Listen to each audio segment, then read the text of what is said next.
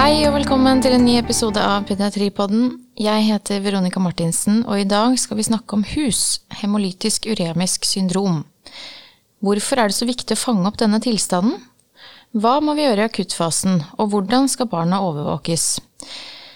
Vi har i dag fått besøk i studio av overlege ved barne-nyreseksjonen på OUS Rikshospitalet, Hjørdis Torsteinsdottir. Velkommen. Takk, takk. Du kan jo starte litt med å presentere deg selv for lytterne. Ja, jeg flyttet jo til Norge fra Island for snart ti år siden for å ta spesialiseringen innenfor pediatri. Og så har jeg jobbet litt på en barneavdeling på Island, så noen måneder på Ahus før jeg begynte på OS i 2012. Og jobbet da først som LIS, og så etter hvert som overlege på på barne-nyreseksjonen. Og så har jeg drevet litt med forskning ved siden av. Mm. Hva forsker du på da? Jeg forsker på ja, helse etter eh, nyretransplantasjon i barndom. Mm. Og med sånn fokus på kardiovaskulær risiko og sånt. Spennende. Jeg nevnte jo innledningsvis hva HUS eh, står for. Eh, vi kan jo begynne å starte med å forklare hva som ligger i begrepet HUS. Ja, det er jo egentlig ganske beskrivende, sånn selvbeskrivende begrep. Det er jo hemolytisk uremisk syndrom. Hemolytisk står for hemolytisk anemi. Og så er det uremi, eller nyresvikt. Og så er det da det tredje en sånn klassisk hustriat, som er trompocytopeni. Og det er jo eh, disse tre tingene man ha, må ha for å stille diagnosen. Mm. Hvor vanlig er det hus, egentlig? Nei, rapporterte incidens den varierer jo en del mellom verdensdeler. I vår verdensdel er det rapportert incidens 0,5 til 3 barn eh, per 100 000 barn. Og, men det er opptil 17 per 100 000 barn i Latin-Amerika hvor incidensen er høyest. I 2019 da var det ti barn i Norge som fikk hus, og det, det er litt under én per 100 000 barn. Mm. Mm, og så er det, det er jo vanligst i alderen én til fem år, så incidensen er jo høyest i den aldersgruppen. Nettopp. Det er ikke en veldig vanlig tilstand, men den forekommer jo. Ja. Mm. Hva er egentlig årsaken til eh, hus? Ja, man fordeler jo hus stort sett inn i to eh, hovedgrupper. Det er eh, typisk eller diaréassosiert hus, og så atypisk hus. Den typiske er jo 90% av alle tilfellene. Og da er den for, forårsaket av en infeksjon med enterohemorragisk E. coli. Da er det noen, eh, flere forskjellige typer som kan da produsere sikatoksin, og kalles da for sikatoksinproduserende E. coli, eller STAC. Og, og denne sikatoksinen den da aktiverer endotel i små blodceller og, og starter en kaskade. Uh, og den atypiske det er jo bare 10 av alle tilfellene. Og det kan jo være andre infeksjoner, sånn som streptokokkus pneumonia. Mm. Og det er ofte en komplikasjon ved et uh, alvorlig forløp som streptokokk-meningitt eller, eller invasiv streptokokkinfeksjon. Mm. Så det er kanskje den nest vanligste årsaken. Så er det rapportert noen andre infeksjoner som influensa A og, og hiv. Ja. Og så er det det som er eh, Det som jeg syns er mest komplisert, det er det, det som er atypisk hus. At det er eh, defekter i, i komplementsystemet. At det blir en dysregulering som som gjør at det blir samme aktiveringen av endotelsystemet som, som setter i gang prosessen. Mm. Og ja, du nevnte jo enterohemorragisk E. coli som den vanligste årsaken, og vi har jo lest i media om flere utbrudd eh, med når det er hus, da. Eh, hva er egentlig årsaken, eller hvordan kan man bli smittet med EHEC? EHEC smittes hovedsakelig gjennom mat. Eh, vanligste smittekilden er underkokt storvekjøtt, men det kan jo smittes fra flere forskjellige ting, sånn som upasteurisert melk. Eh, ligger på overflaten på, overflaten på grønnsaker og kan også være i drikkevann. Mm. Eh, og så er det som du sier, at da er det regelmessig utbrudd. Og det største her i Norge er vel i 2006, og da fant man eh, bakterien i en sånn type pølse. Mm. Og da var det faktisk ti barn som utviklet hus. Mm. Og den kan jo også smittes eh, via direkte kontakt eh, med dyr som er bærer av, denne bakterien. Ok. Mm. Du nevnte litt sånn, eller toucha innom patofysiologien, men jeg eh, tenkte det er litt interessant å gå litt mer i dybden hva som skjer sånn patofysiologisk. Ja, det er jo ikke 100 kjent hva som skjer, men eh, det blir eh, da en aktivering av endotelet, enten via det psykotoksinet eller noen defekter i, i komplementsystemet.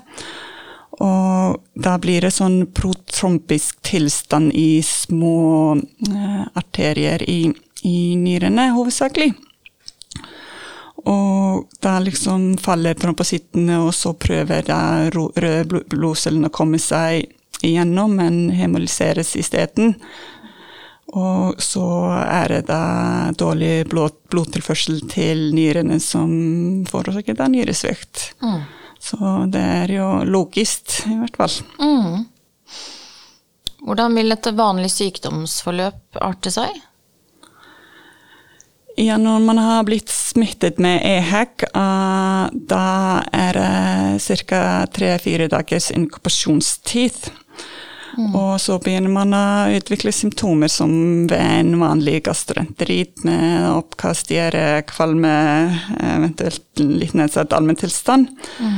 Men så etter hvert, eh, sånn kanskje tre-fire dager ut i forløpet, da eh, blir avføringen blodig. Og og så går det egentlig over av seg selv. Og så er det egentlig ofte etter at symptomene har, eh, begynner å bli bedre, at, at, det blir denne husutviklingen. Og det er faktisk mindre enn 10% av pasientene som har eh, denne infeksjonen som utvikler hus. De fleste ja. blir jo bare friske og får ingen affeksjon av nyrene. Så, og der liksom ser man denne klassiske triaten i blodprøvene, og det er liksom da etter en periode med, med gastroenterittsymptomer. Mm. Ikke sant. Så istedenfor å bli bedre, så får man et betydelig forverring i allmenntilstand og disse symptomene, da. Ja, stemmer. Du sa at nyrene spesielt er affisert, men kan man ha ekstrarenale symptomer også? Eller andre organer som er affisert? Ja, det kan man. Det vanligste er å ha CNS-affeksjon, og det er også det alvorligste. Eh, og alvorlighetsgraden av eh, CNS-symptomene kan jo variere bare fra lett redusert eh, bevissthet til liksom kramper og infarter og da et alvorlig versibel hjerneskade. Så det er det vanligste, men så er det også beskrevet at man kan få symptomer fra pankreas med nedsatt glukosetoleranse, og, det er som regel midlertidig, men det er noen som har utviklet eh, diabetes eh, type 1 etter, etter en husepisode. Og så har man jo en del symptomer fra tarmen eh, når man har gjennomgått en eh, gastroenteritt. Så det er nok det vanligste. Mm. Og så når disse barna kommer inn, da, så vil man jo ta en del prøver, supplerende undersøkelser. Hva er det som er aktuelt å ta av eh, prøver? Ja, dette er eh, noe man oppdager ofte eh, ved å ta bare sånn generelle blodprøver. Da tar man jo ofte med hematologien og, og nyrefunksjon. Men så må man begynne å tenke litt hvis man ser denne triaden i blodprøvene. Og da må man lage et blodutstrykk, fordi man skal jo se sverosider ved, ved hemolyse, og, og, ta haptoklobin og, og, og LT for å bekrefte hemolysen. Eh, så er det lurt å ta med kompliment C3 og C4 sånn i starten, selv om de aller fleste er jo forårsaket av en infeksjon. Men det viktigste er jo å få en avføringsprøve. Og da må man huske å skrive at man leter etter hekk, e-hekk, fordi da kjører de noen spesielle analyser og ser spesielt etter det. Mm. Det er kanskje det som er viktig sånn i første omgang, men så hvis man mistenker ikke diaré-assosiert hus, og da er det mer sånn spesial, spesialiserte prøver eh, ved mistanke om, om atypisk hus. Og der er faktisk prøver som sendes eh, både til St. Olavs og Lund for tiden. Okay. Eh, for å få dem analysert. Det er ikke så veldig vanlig å Nei. ta dem. Da trenger man ikke å tenke på det med det første. Nei, det, det kan, haster ikke så veldig. Men, men, hvis man ikke har hatt noen symptomer med, med gastroenteritt, men allikevel har denne klassiske, klassiske triaden, da kan jo være fint å slå opp i, mm. i, i sine elveileder og se hva som skal tas. Mm. Og selve diagnosen, stiller man den basert på symptomer og denne triaden i blod, som du har nevnt? Ja, det holder jo for å stille diagnosen, og så er det jo veldig eh, Den alvorlighetsgraden av den eh, er jo veldig individuelt, da. Mm. Så da står man der da i akuttmottaket og har et barn hvor man mistenker eh, hus. Hva er det første man må gjøre og sette i gang av tiltak? Nei, det er som ved alle akutte tilstander, det er jo viktig å tenke ABC. Og disse kan jo ha en alvorlig anemi og være sirkulatorisk truet. Men det viktigste er jo kanskje å vurdere væskebalansen, eh, og hvordan diuresen har vært den siste tiden. De har noen ganger vært uh, anuriske flere timer, eventuelt noen døgn. Og, og da er liksom sjelden feil å gi et støt med væske, men man må vurdere effekten av det. Og hvis barnet ikke begynner å tisse og har veldig høye parametere, da må man revurdere det og liksom følge, føre nøye væskeregnskap og sånt. Mm.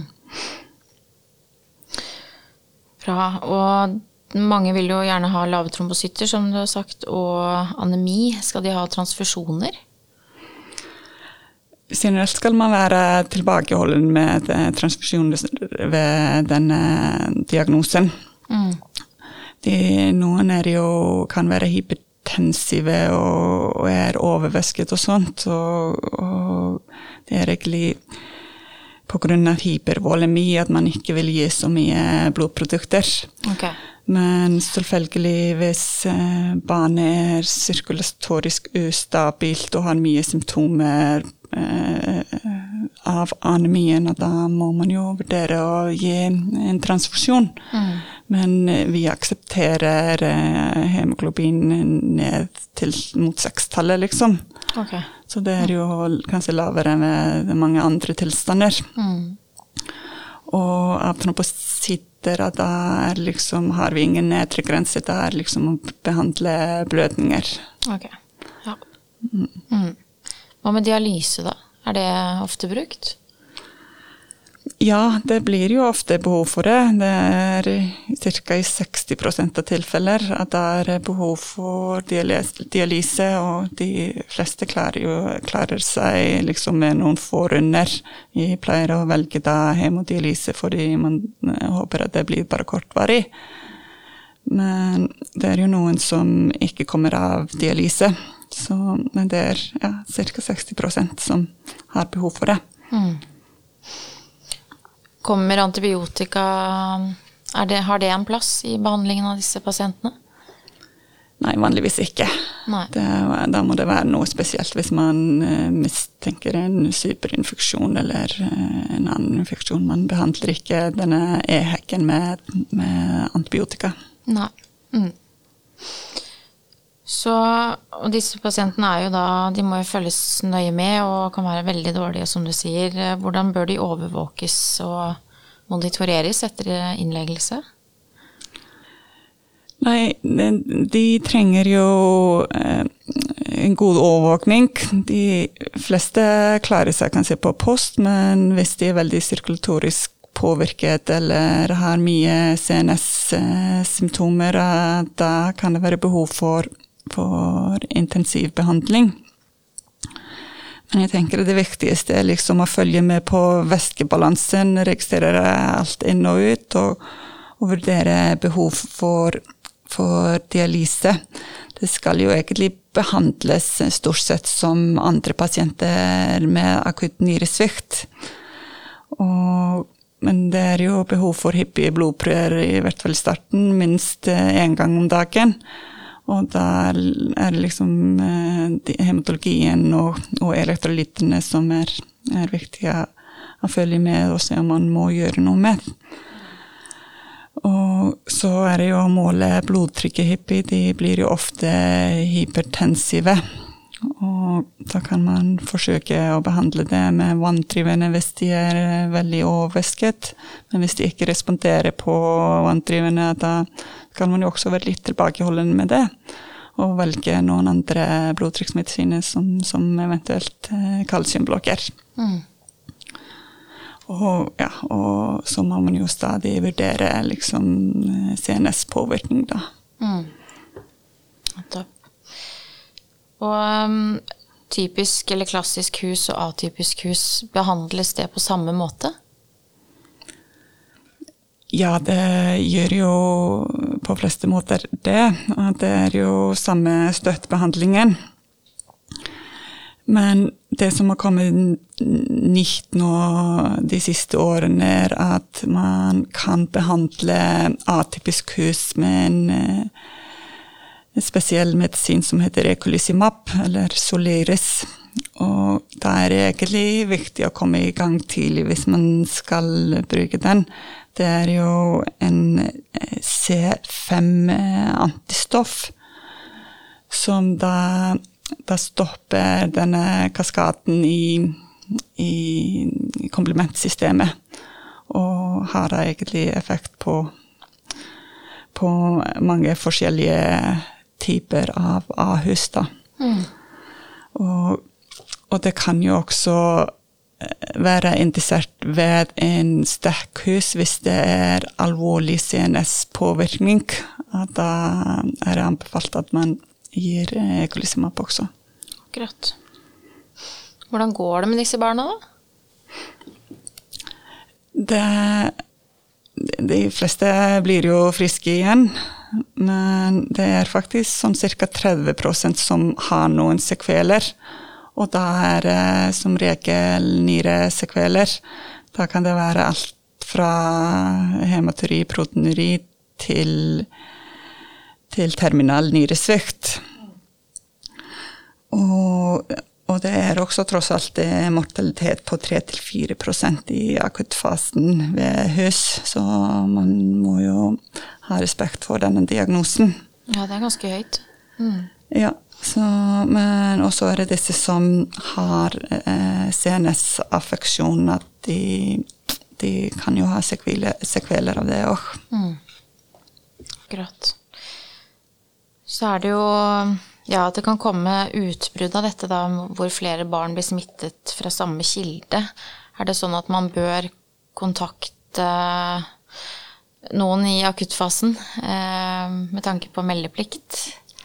Ja, det er jo veldig viktig. Det er jo en meldepliktig sykdom, og, og den skal jo meldes fra til eh, kommune og overlege og eventuelt til til Folkehelsetilsynet eh, via sånn vakttelefon hvis man ikke får tak i kommuneoverlegen. Akkurat. Mm. Og, og, da setter de i gang eh, smittesporing og sånn, Så det er viktig å komme i gang med det så fort som mulig. Mm. Kjempebra. Håper alle nå sitter igjen med mye kunnskap om hemolytisk uremisk syndrom og har diagnosen friskt i minnet, sånn at man tenker på det når man får inn denne klassiske triaden med symptomer. Eh, og på blodprøver. Men helt til slutt eh, så kan vi avslutte med tre take home messages til eh, lytterne. Ja, jeg tenker som du sier, at det er jo viktig å huske på denne diagnosen på denne triaden med hemolytisk anemi, trombocytopeni og nyresvikt. Det, dette er jo en barnediagnose, så det er ikke sikkert at, at fastleger har dette så høyt opp sin, på sin liste over differ, differensielle diagnoser. Så det er nummer én. Og nummer to det er jo dette at man skal være tilbakeholden med transfusjoner. Det er jo fristende å gi HP blod når HP krybber under 7-8-tallet. Og det siste er jo det vi snakket nettopp om å huske at dette er en meldepliktig sykdom. Og den skal faktisk meldes ifra før man får bekreftet en, at det er EHEC. Så ved mistanken, da skal man også melde den. Mm. Tusen takk for at du kunne komme, Hjørdis.